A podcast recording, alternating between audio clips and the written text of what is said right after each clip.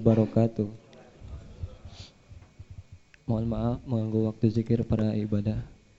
Mohon maaf mengganggu waktu zikir ibadah eh, para jamaah sekalian. Alhamdulillah asyhadu an la ilaha illallah wahdahu la syarikalah wa asyhadu anna Muhammadan abduhu wa rasuluh la nabiyya ba'da. Amma ba'du. Alhamdulillah setelah kita bersama-sama melaksanakan ibadah salat zuhur berjamaah, insyaallah akan kita lanjutkan dengan kajian rutin ba'da zuhur Kali ini dengan Ustadz Amir Faisal Fat dengan tema Tafsir Al-Quran Juz 30 Surah Al-Fajr. Alhamdulillah Ustadz telah hadir di tengah-tengah kita. Jazakallah khair kepada Ustadz. Dimohon agar para jamaah bisa merapatkan barisan ke depan Agar bisa memberikan ruang bagi para jamaah yang hadir belakangan. Insya Allah kajian siang ini akan berlangsung hingga pukul 1 siang. Dan jika masih ada sisa waktu akan dibuka sesi tanya jawab bisa secara langsung ataupun bisa melalui online melalui link mtxl.or.id tanya. Mari kita mulai kajian siang ini dengan bersama-sama membaca basmalah. Bismillahirrahmanirrahim. Kepada Ustadz kami persilahkan. Bismillahirrahmanirrahim. Assalamualaikum warahmatullahi wabarakatuh. Alhamdulillah Wassalatu wassalamu ala rasulillah Wa ala alihi wa sahbihi wa mawal. Saudaraku rahmakumullah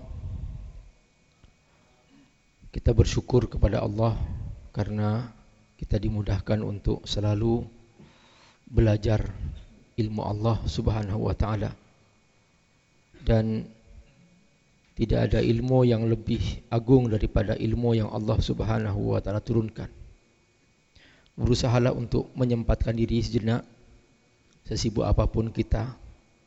Karena ketika kita belajar Al-Quran belajar hadis kita akan diampuni dosa-dosa kita oleh Allah Subhanahu wa taala. Para malaikat akan sibuk untuk mendoakan kita memohon ampun untuk kita untuk supaya kita mengenal lebih baik bagaimana seharusnya kita hidup di alam yang Allah ciptakan ini. Sempat saya membaca beberapa keterangan di beberapa buku hadis tentang bertasbihnya ikan-ikan hatta lahitana fil bahr. Rasulullah menyebutkan ikan-ikan bertasbih, ikan-ikan beristighfar, ikan-ikan memohon ampun untuk orang-orang yang belajar ilmu Allah Subhanahu wa taala Mengapa kok sampai seperti itu alam semesta digerakkan oleh Allah? Ulama yang menjelaskan hadis ini mengatakan bahawa ini hampir semuanya ulama tentang hadis ini termasuk juga uh, Fathul Bari, Ibnu Hajar, kemudian juga uh, Sahih Butuh Fathul Ahwazi, Syarah Imam Turmizi itu hampir semua menjelaskan bahawa uh, ikan-ikan itu merasa aman ketika orang-orang bersungguh-sungguh belajar ilmu Allah. Makhluk-makhluk yang Allah ciptakan ini juga akan merasa aman karena semakin banyak orang mengerti tugas yang sebenarnya dalam hidup di muka bumi ini seperti yang Allah ajarkan, maka alam semesta ini akan semakin merasa aman. Tetapi semakin manusia ini bergerak, bekerja hanya berdasarkan kepentingan, bukan berdasarkan panduan dari Allah, maka yang pertama kali akan menjadi korban itu adalah lingkungan kita, makhluk-makhluk sekitar kita. Nah inilah salah satu rahasia mengapa kok sampai makhluk-makhluk di laut, di darat, bahkan para malaikat di langit ikut bertasbih, ikut membaca istighfar, ikut memohon ampun karena dengan mengertinya manusia dalam menjalani tugasnya sebagai hamba Allah di muka bumi ini dia akan semakin memberikan perlindungan kepada makhluk di sekitarnya. Nah itu salah satu rahasianya. Karenanya beruntunglah kita kalau kita berusaha menyadari betapa pentingnya belajar ilmu yang Allah Subhanahu wa taala turunkan. Sekali-kali jangan dianggap sampingan karena ini sebetulnya tugas pokok kita. Kita punya tugas pokok yaitu mengerti maksud Allah, bersungguh-sungguh mentaati Allah. Itu yang paling penting dalam hidup kita. Selain itu, ada pun masalah rizki. Itu semua sudah Allah yang atur. Kayak miskin itu aturan Allah sudah. Bukan ditentukan oleh karena kecerdasan, oleh karena kehebatan seorang bukan. Semua ada nasibnya masing-masing tentang masalah rizki. Makanya ada sebuah riwayat dalam hadis kutsi, eh, dalam sebuah hadis diceritakan bahwa ajib tuh liman ishtaghala bid dunya liman wa taqallubiha saya heran kepada orang-orang yang menjadikan dunia sebagai tujuan sampai dia pontang-panting ngurus dunia sampai tidak sempat sholat tidak sempat zikir tidak sempat baca Quran tidak sempat menghadiri majlis taklim kenapa kok sampai begitu padahal dunia ini bolak-balik kata Allah Allah yang menentukan takdirnya Tiba-tiba seseorang yang sudah mencapai puncak karirnya jatuh seketika. Semua itu ada takdirnya. Tidak bisa kita melawan Allah. Tidak bisa kita menentang Allah. Jadi kita sebaiknya ketika ada kesempatan untuk mencari ilmu seperti ini, sempatkan karena ini kebutuhan pokok rohani kita.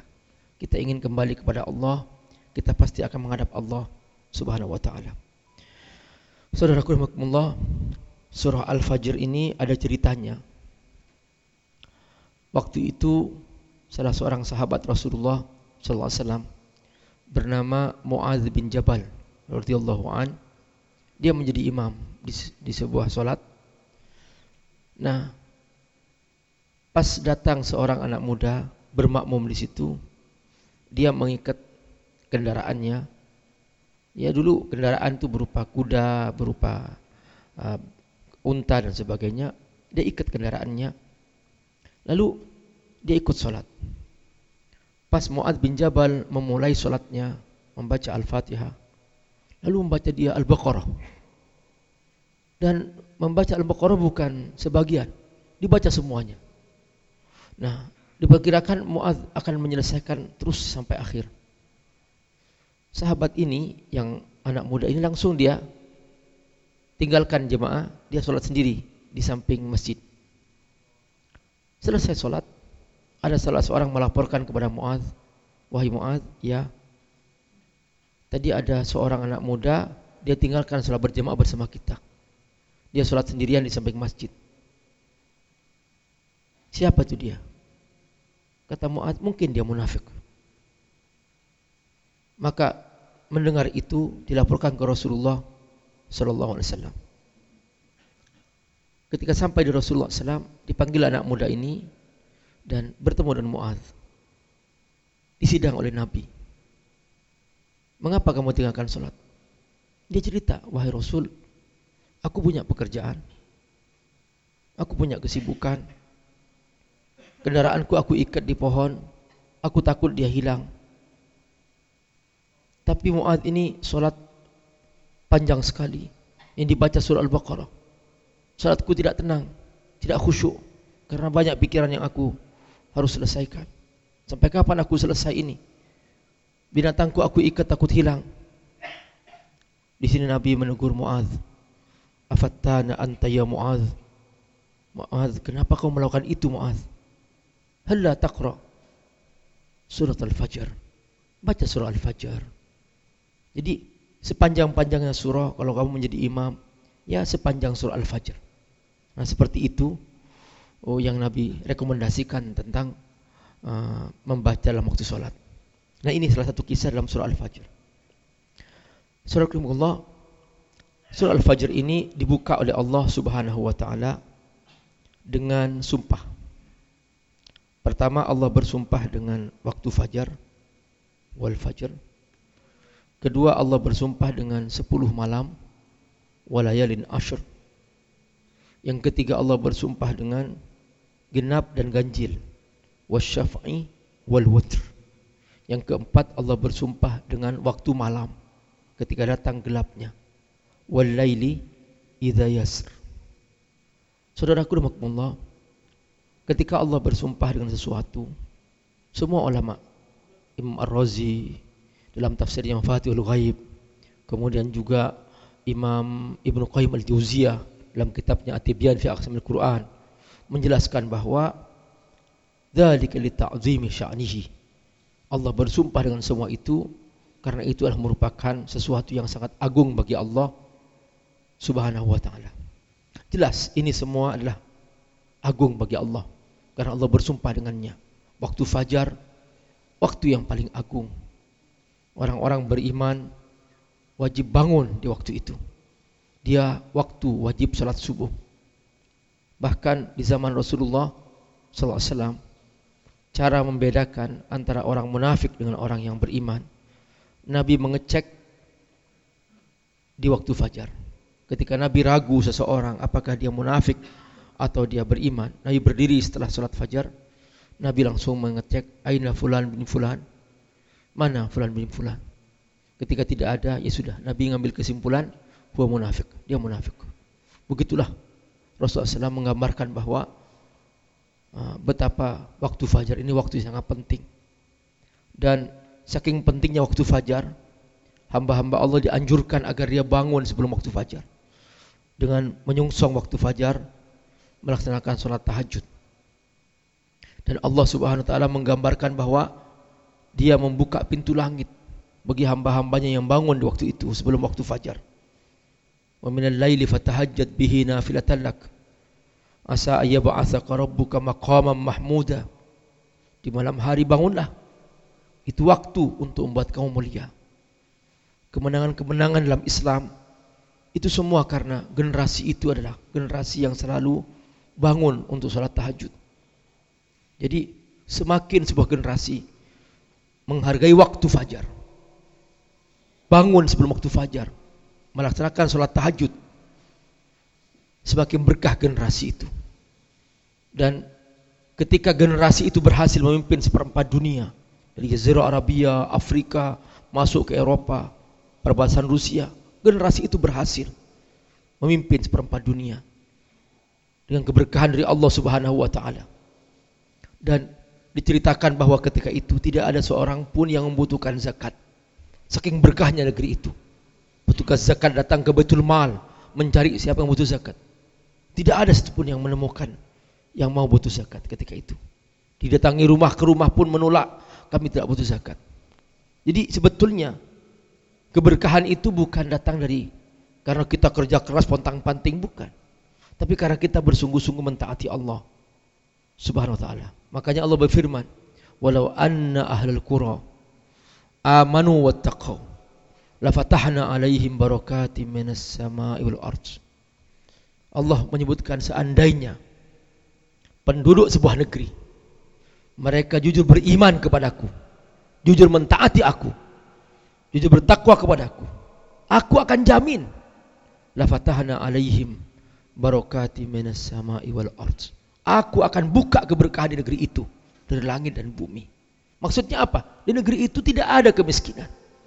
Di negeri itu tidak ada orang sulit, tidak ada. Semua Allah mudahkan. Karena Allah yang mengurus. Ini jaminan dari Allah SWT. Allah tidak berfirman, seandainya sebuah negeri banyak profesor doktor di bidang ekonomi, bisnis, ekonomi. Enggak, Allah enggak bilang itu. Allah hanya hanya berfirman, jujur mentaati aku, jujur beriman kepada aku, aku ngurus kamu. Kata Allah. Tentu kalau yang ngurus adalah Allah, akan lebih hebat daripada yang ngurus adalah makhluk. Nah ini yang jarang dipertegas dalam berbagai uh, pemahaman. Sehingga banyak orang yang meremehkan hubungan Allah SWT. Seakan-akan hubungan Allah itu hanya cukup, hanya lima waktu. Tidak. Hubungan Allah itu kita harus intens setiap saat.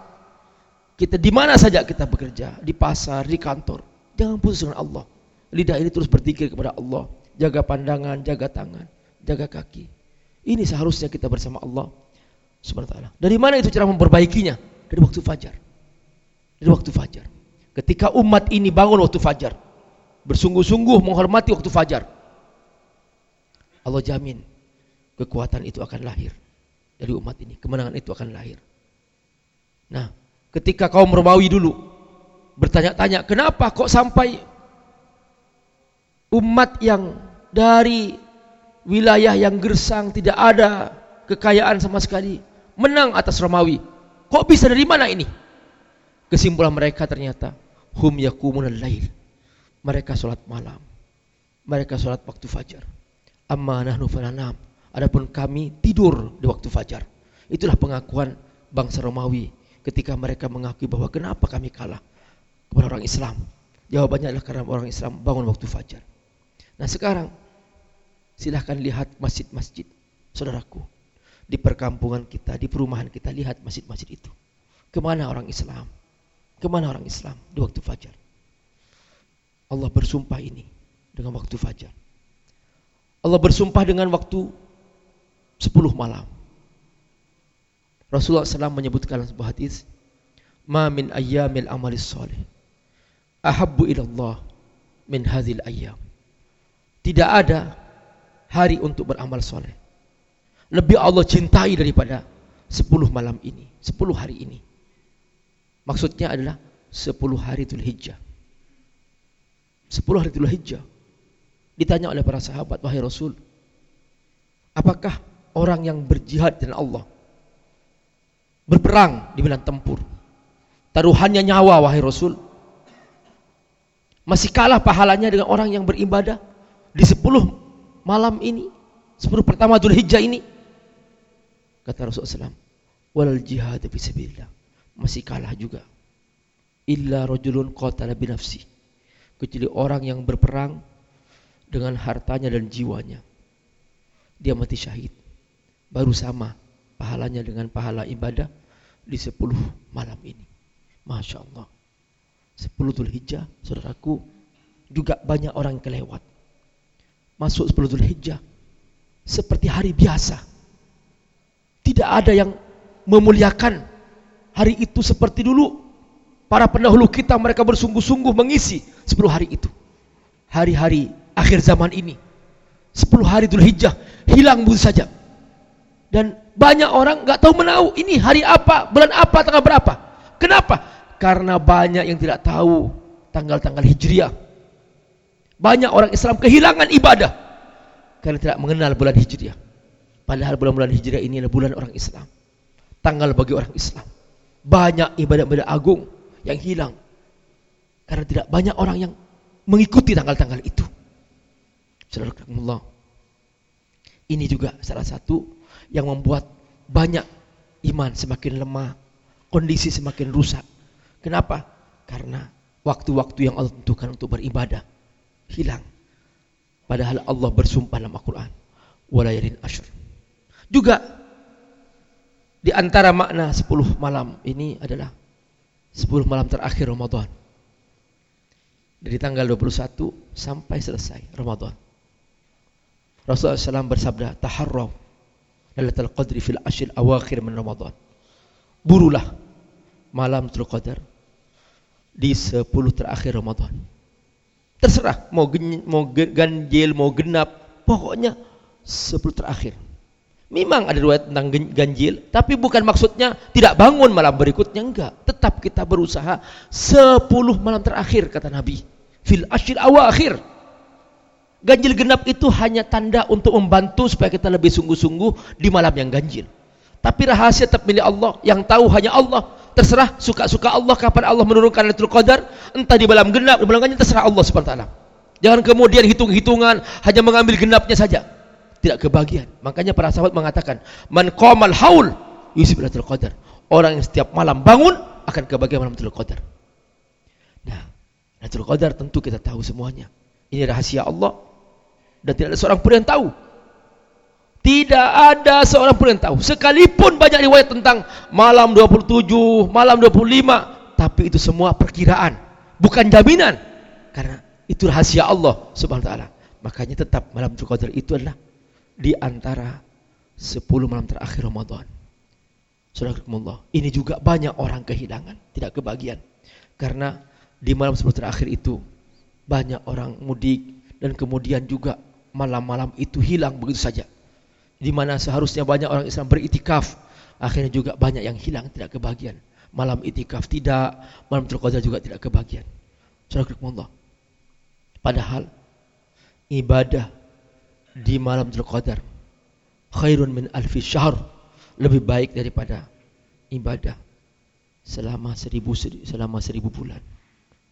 Jadi seandainya ada orang beribadah di malam Qadar.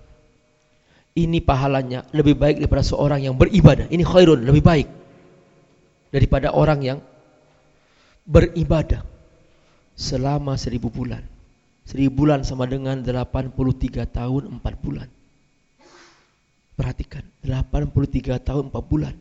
Dia tidak berhenti-berhenti. Tidak ada waktu cari kerja. Tidak ada. Dia hanya ibadah, ibadah, ibadah. 24 jam. Tidak tidur. Nafkah ada semua terjamin. Hanya ibadah. Selama 83 atau 4 bulan. Dibanding pahalanya dengan ibadah Lailatul Qadar. Masih lebih baik ibadah Lailatul Qadar. Ini juga banyak yang cuek. Dan tidak berkepentingan Lailatul Qadar. Akhirnya malam Lailatul Qadar lewat dan tidak kebagian sama sekali. Dan merasa tidak tidak kehilangan dengan hilangnya malam yang mulia ini. Saudara Allah, Allah bersumpah dengan ini. Walayalin asyur. Artinya apa? Ini sangat penting bagi hamba-hamba Allah subhanahu wa ta'ala.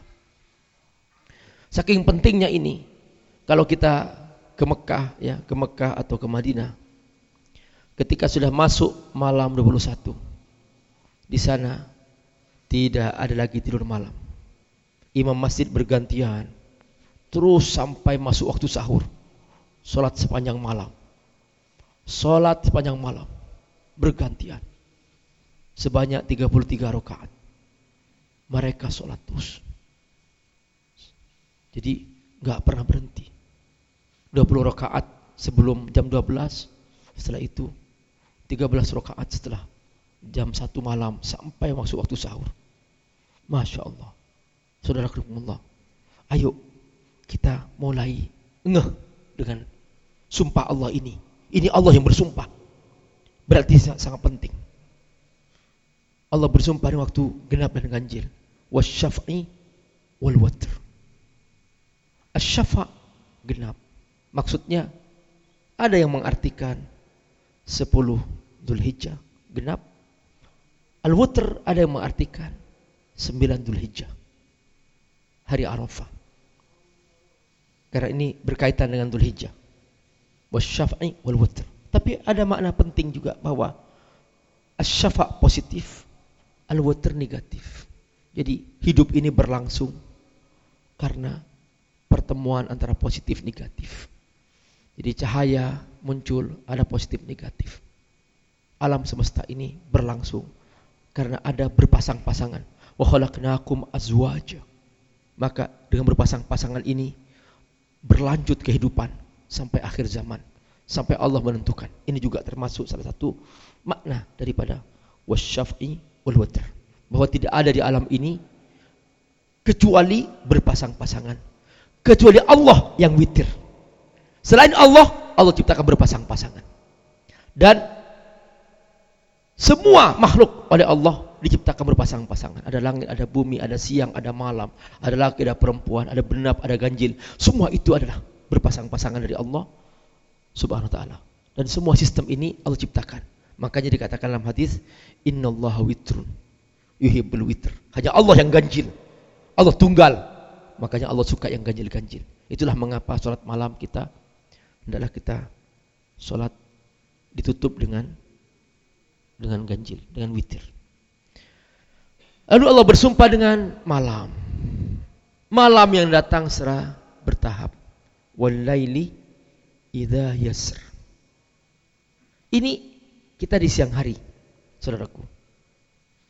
Datangnya malam bukan secara tiba-tiba, tapi secara bertahap. Walaili yasr. Bayangkan kalau terjadi malam, tiba-tiba kita jam 12 siang langsung seketika malam. Gelap gulita malam seketika misalnya.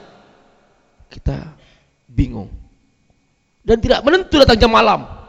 Datang secara tiba-tiba misalnya nah apa artinya jangan dikira durasi siang ini durasi malam ini tidak ada yang ngatur itu aku kata Allah aku yang mengatur Kenapa kamu kok begitu mudah melupakan aku? Setiap hari ngatur tentang siang ini. Supaya tidak terjadi malam secara tiba-tiba. Dan aku datangkan malam secara bertahap. Supaya kamu tidak kaget.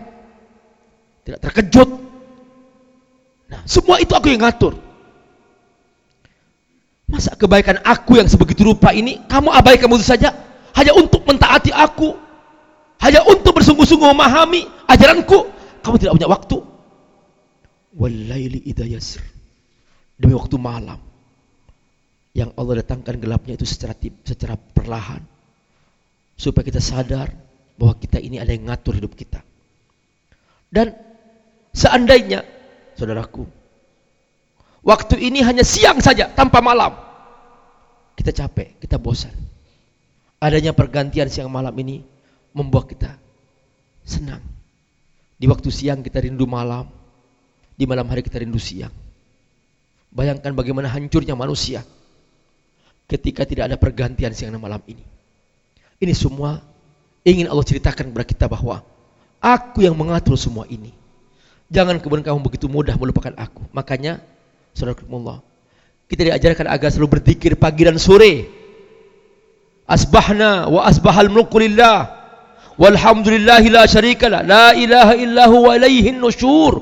Ada zikir pagi. Para ulama mengumpulkan zikir pagi. Para ulama mengumpulkan zikir sore. Supaya kita mengerti bagaimana seharusnya memuliakan semua ini. Bukan lewat begitu saja. Kalau orang tidak beriman, memang mereka tidak beriman. Mereka tidak mengerti cara mentaati Allah. Kita diajarkan cara mentaati Allah. Ada waktunya bagaimana cara memuliakan Allah. Ada caranya. Nah, ini semua banyak yang lewat begitu saja. Hampir-hampir tidak berbeda. Hidupnya orang kafir dengan orang beriman hampir tidak berbeda. Bahkan banyak yang tidak sholat. Bahkan banyak yang sudah tidak berzikir lagi. Surah Allah. Ini semua sumpah Allah subhanahu wa ta'ala. Supaya kita mengerti bagaimana cara mentaati Allah. Makanya Allah tutup dengan apa? Dengan penegasan. Apakah kamu masih punya akal enggak? Hal fi dzalika qasamul lidhi hijr? Kau masih punya akal enggak? Sehingga kamu tidak memandang semua ini dengan kacamata imanmu. Kamu anggap ini peristiwa biasa saja. Mana akal kamu kata Allah? Hal fi dzalika qasamul lidhi hijr? Mana akal kamu kata Allah? Masa kamu anggap semua ini terjadi biasa saja? Ini aku yang mengurus kamu setiap hari. Gunakan akalmu dong. Nah, seperti itu teguran ini begitu kerasnya dari Allah supaya kita terhentak, tersadar, kita segera kembali kepada Allah Subhanahu wa taala. Setelah itu Allah menceritakan tentang kaum-kaum terdahulu. Apakah kamu ingin diperlakukan seperti kaum Ad, kaum Samud, kaum Fir'aun yang aku hancurkan? Kamu ingin mengulangi lagi sejarah itu?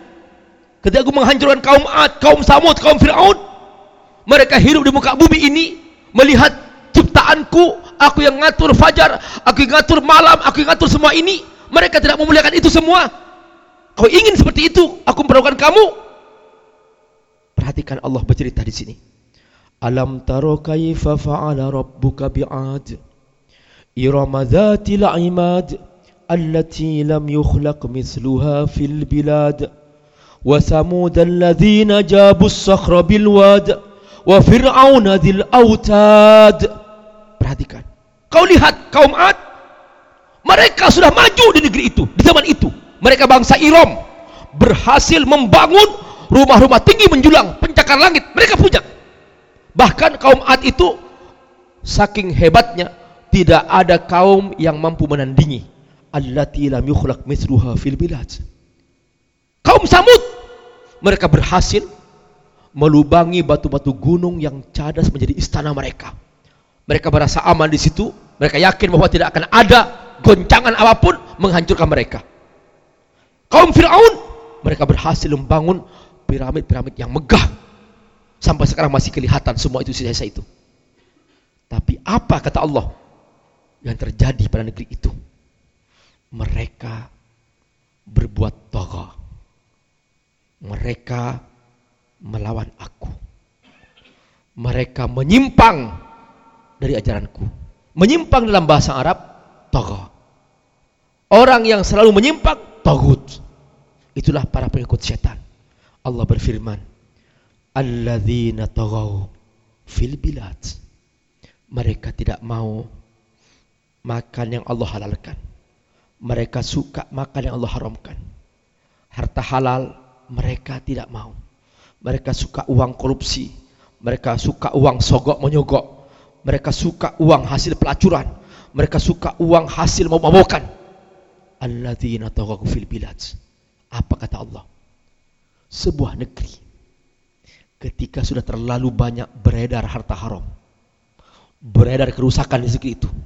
Beredar maksiat dan dosa-dosa. Maka pasti di negeri itu akan banyak kerusakan. Fa'aksaru fihal fasad. Negeri itu banyak kerusakan. Mudah orang berbuat zina, mudah orang mengambil harta haram, mudah orang berbohong, mudah orang menipu, mudah sekali, mudah sekali di negeri itu. Fa'aksaru fihal fasad. Tidak takut sama sekali kepada Allah SWT. Apa kata Allah? Negeri seperti ini siap-siap akan mengalami seperti negeri yang pernah Allah adab itu. Fasabba alaihim rabbuka sautu adab. Maka Allah timpakan ke negeri itu cemeti adab yang pedih.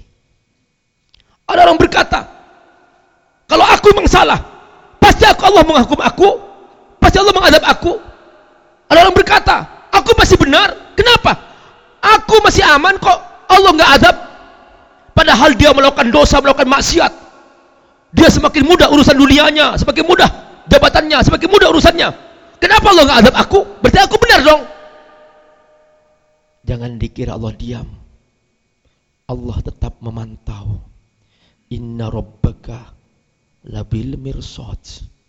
Allah tetap memantau kapan orang ini diadab oleh Allah Subhanahu wa taala. Makanya ada ayat yang lain mengatakan sanastadrijuhum min haitsu la ya'lamun. Kalau ada orang dimudahkan urusan dunianya padahal dia semakin jauh dari Allah, berarti orang ini sedang istidraj, sengaja oleh Allah Subhanahu wa taala, dibiarkan untuk waktu ditentukan Allah akan adab dia pada waktunya.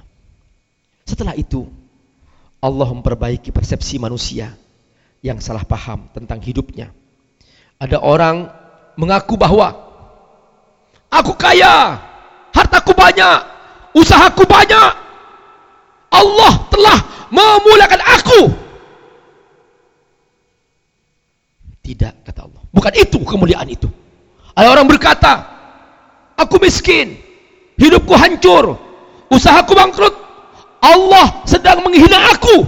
Tidak juga kata Allah. Mulia dan hina itu bukan pada harta letaknya, bukan. Di sini Allah memperbaiki persepsi itu. Fa ammal insanu idza mabtalahu rabbuhu fa akramah fa akramahu wa na'amahu fa yaqulu rabbi akraman. Wa amma idza mabtalahu fa qadara alaihi rizqahu fa yaqul fa yaqulu rabbi ahanan. Bukan kata Allah. Bukan karena kamu kaya hartamu banyak kamu dimuliakan oleh Allah bukan di Quran itu.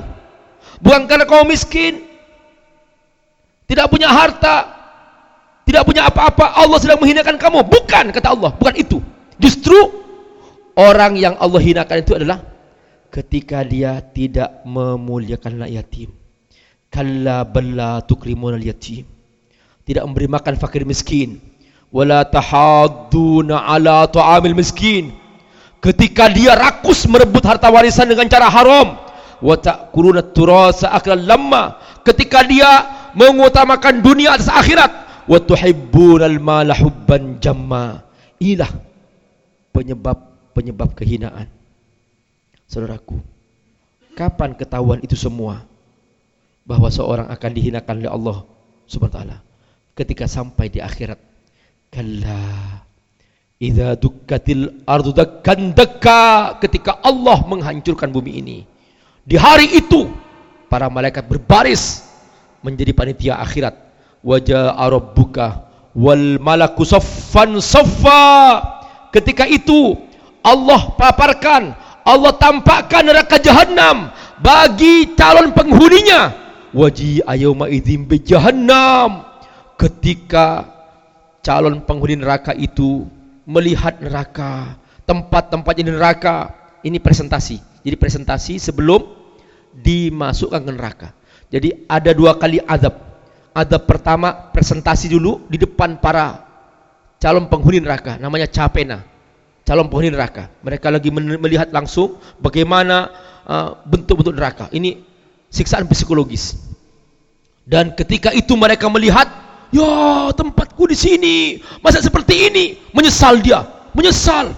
Kenapa dulu aku di dunia kok tidak mentaati Allah? Kenapa di dunia aku kok sibuk dengan urusan dunia? Kenapa aku tidak solat? Kenapa aku tidak puasa? Kenapa aku tidak berbagi? Kenapa aku tidak membantu fakir miskin? Kenapa? Kenapa? Yauma idzi yatadzakkarul insan wa anna lahu. Di hari itu orang baru sadar. Kenapa aku tidak beramal ketika aku hidup dunia? Di sini kemudian dia berkata, Yakul, penuh penyesalan. Yaqulu ya laitani qaddamtu li hayati.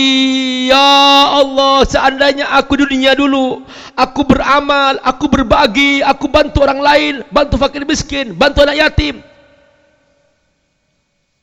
Fayawma idzil la yu'adzibu adzabahu ahad. Hari itu tidak ada azab kecuali dari Allah Subhanahu wa taala. Azab sangat pedih. Wala yusiku wasaqahu ahad. Ada belenggu yang melebihi belenggu Allah Subhanahu wa taala. Maka tiba-tiba datanglah sekelompok orang. Mereka mukanya bercahaya. Di dunia mereka mentaati Allah Subhanahu wa taala. Insyaallah mudah-mudahan kita termasuk gerombongan ini. Rombongan yang benar-benar bercahaya karena berwudu, bercahaya karena sholat, bercahaya karena mentaati Allah. Dipanggil oleh Allah.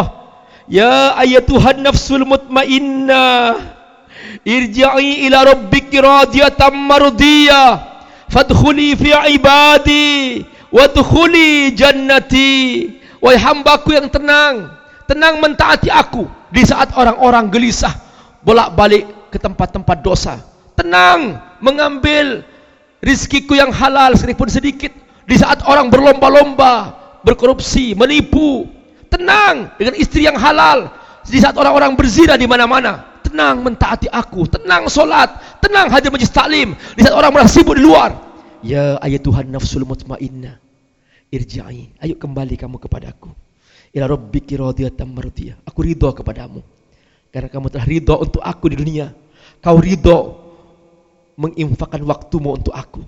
Kau ridho menginfakkan pikiranmu, perasaanmu untuk aku. Kau ridho untuk berkorban untuk aku. Aku juga ridho kepadamu. Irja'i ila rabbika radiyatan mardiyah.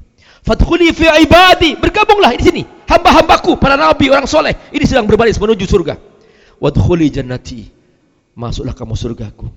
Inilah penutup surah Al-Fajr. Yang mudah-mudahan kita semua insyaallah termasuk ahli surga. Jazakumullah khairan. Wassalamualaikum warahmatullahi wabarakatuh. Waalaikumsalam warahmatullahi wabarakatuh. Masih ada waktu 10 menit, silahkan mau bertanya. Mungkin dari para jemaah yang ingin bertanya.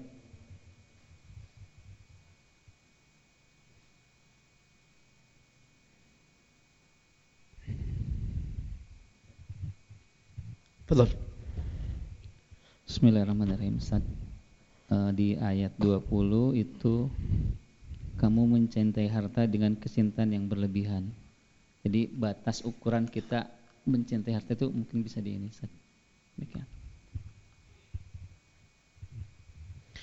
Ada orang kaya dia tidak cinta harta. Kaya raya dia direktur utama perusahaan banyak perusahaannya tapi pas dia waktu sholat dihentikan semua rapat dia perintahkan semua karyawan sholat dia utamakan Allah di atas rapat-rapat kerjanya semua ada orang miskin cinta harta di depan masjid itu ada seorang tukang bakso dia jualan di situ azan tetap melayani pembeli sedang iqamah tetap aja sibuk dia melayani pembeli. Selesai sholat masih aja sibuk di situ. Perhatikan. Jadi ada orang miskin cinta harta. Ya, cinta itu apa ya? Sampai layak pada kewajiban. Itu aja ukurannya. Jadi silakan anda banyak harta, tapi anda nggak lalai kewajiban anda kepada Allah. Itu saja. Terus yang kedua, dia uh, dia banyak hartanya, tapi dia ber, membayar zakat dengan benar, juga berbagi dengan benar. Gitu. Misalnya nih, anggaplah dua setengah persen. Itu saja saja. Bayar dengan benar. Misalnya, ketika anda punya uang penghasilan per bulan, misalnya tiga juta enam ratus misalnya, itu sudah masuk nisab, ya sudah. Bayar zakat dua setengah persennya, dalam puluh ribu. Bayarkan aja. Gitu. Nah tentu semakin besar kekayaannya semakin besar pula persenannya kan gitu. Dia punya satu miliar, berarti dia bayar 25 juta. Misalnya, udah dibayarkan aja. Seperti dia punya satu triliun, dia bayarkan 25 miliar. Udah bayarkan aja. Gitu. Nah seperti itu. Nah ketika tidak bayar, dia sudah, sudah mencintai harta. Karena dia apa? Berlebihan. Karena dia sudah tidak menyelaksanakan kewajiban kepada Allah. Sementara itulah ukurannya. Terus yang ketiga, yang ketiga, ini ini yang sangat sangat apa ya? Sangat mendasar. Dan apakah aku ini pencinta harta atau ini pencinta Allah? Para ulama mengatakan gini. Coba kamu ukur perasaan kamu. Kamu lebih senang mana? Kedatangan bos yang ngasih uang kepada kamu atau kedatangan orang miskin yang minta uang kepadamu? Kalau kamu lebih senang yang kedua, berarti kamu adalah pencinta Allah. Karena orang ini datang untuk menjemput hartamu dibawa ke surga. Tapi yang kedua itu memberikan harta kepada kamu untuk kamu lupa kepada Allah. Perhatikan. Ini juga bagian daripada pertanyaan-pertanyaan itu. Nah, lebih suka mana kita? Kedatangan orang miskin yang mau nagih itu harta. Harta ini mau dibawa ke akhirat oleh Allah, oleh orang miskin itu. Nah, ya, atau bos yang memberikan harta kepada kamu yang buat kamu lalai dengan dunia itu. Nah, itu, juga termasuk ukuran-ukuran cara kita mengetahui bagaimana posisi kita dalam mencintai harta. Oke. Okay. Yang lain?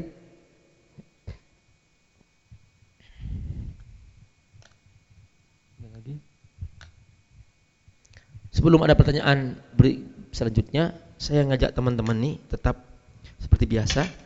Uh, mungkin teman-teman masih uh, sempat sempat mendengar ya. Ada ada tayangannya sendiri. Ini ya, saya akan tayangkan hasil uh, wakaf teman-teman yang pembebasan tanah itu itu kalau di YouTube ada di pesantren ini seperti ini pesantrennya sudah kami ini pesantren yang sedang kami bangun uh, ini jalannya menuju sana di kampung Sukawangi Sukamakmur Bogor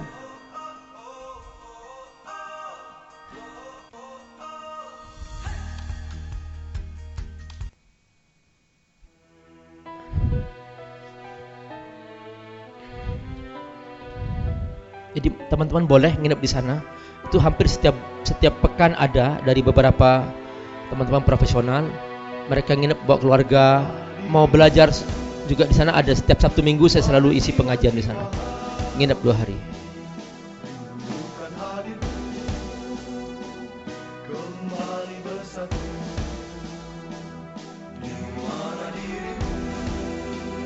Ini masih semuanya bentuk kayu karena memang terbatas sekali dananya apa adanya berlangsung ini starternya Alhamdulillah semua ini dari wakaf teman-teman Insya Allah ini semua amal jariah teman-teman. Saya yakin mereka nanti akan menjemput teman-teman memberikan mahkota. Berapapun yang anda wakafkan untuk mereka mereka dari dari mereka gratis mereka gratis semuanya. Anak yatim du'afa dari Papua ada dari NTT memang sengaja kami ambil dari sana banyak karena korban bencana itu banyak dari sana. Dan mereka tidak menemukan rumah-rumah saya kami ambil dari sana semua. Ini lihat, ini mereka banyak dari Papua.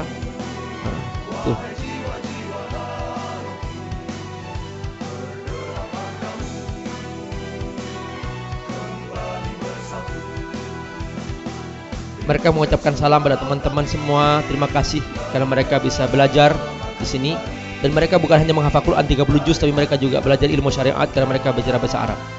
Jadi masih banyak tanah-tanah yang yang belum bebas di sini. Masih ada tanah-tanah yang kami belum lunas. Per meter 150 ribu. 150 ribu per meter. Silahkan teman-teman yang mau berwakaf silahkan saya kasih kartu nama di sini. Insya Allah. Boleh nginep, silahkan nginep kapan aja. Mungkin teman-teman DKM atau teman profesional di sini mau nginep sana boleh. Nggak ada masalah. Ini rumah Anda, ini rumah teman-teman semua.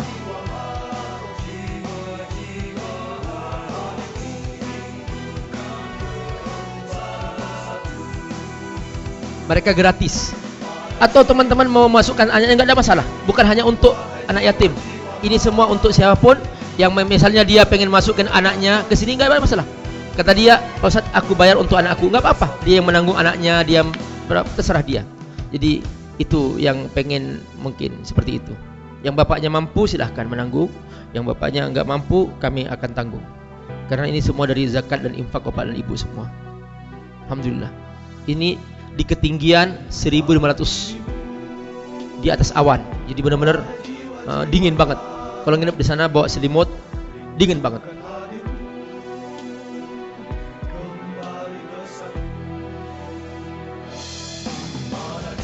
Terima kasih semua teman-teman semua yang telah berwakaf berinfak untuk mereka semua. Mereka adalah orang-orang yang siap untuk menjaga amanah, untuk menjaga ilmu Allah dan semua titipan yang Bapak Ibu kirimkan kepada kami insyaallah tidak sia-sia. Jazakumullah khairan. Wassalamualaikum warahmatullahi wabarakatuh. Ini kartu nama saya silahkan mungkin ada yang ingin, boleh mencarikan, boleh mencarikan mungkin teman-teman silahkan. Enggak harus pakai uang sendiri. Punya kontak siapa siapa tolong bantu karena memang ini masih permulaan. Baru beberapa bulan yang lalu kami mulai. Alhamdulillah. Terima kasih. Jazakumullah khair. Subhanakallahumma bihamdika asyhadu an la ilaha illa anta astaghfiruka wa atubu ilaik. Assalamualaikum warahmatullahi wabarakatuh.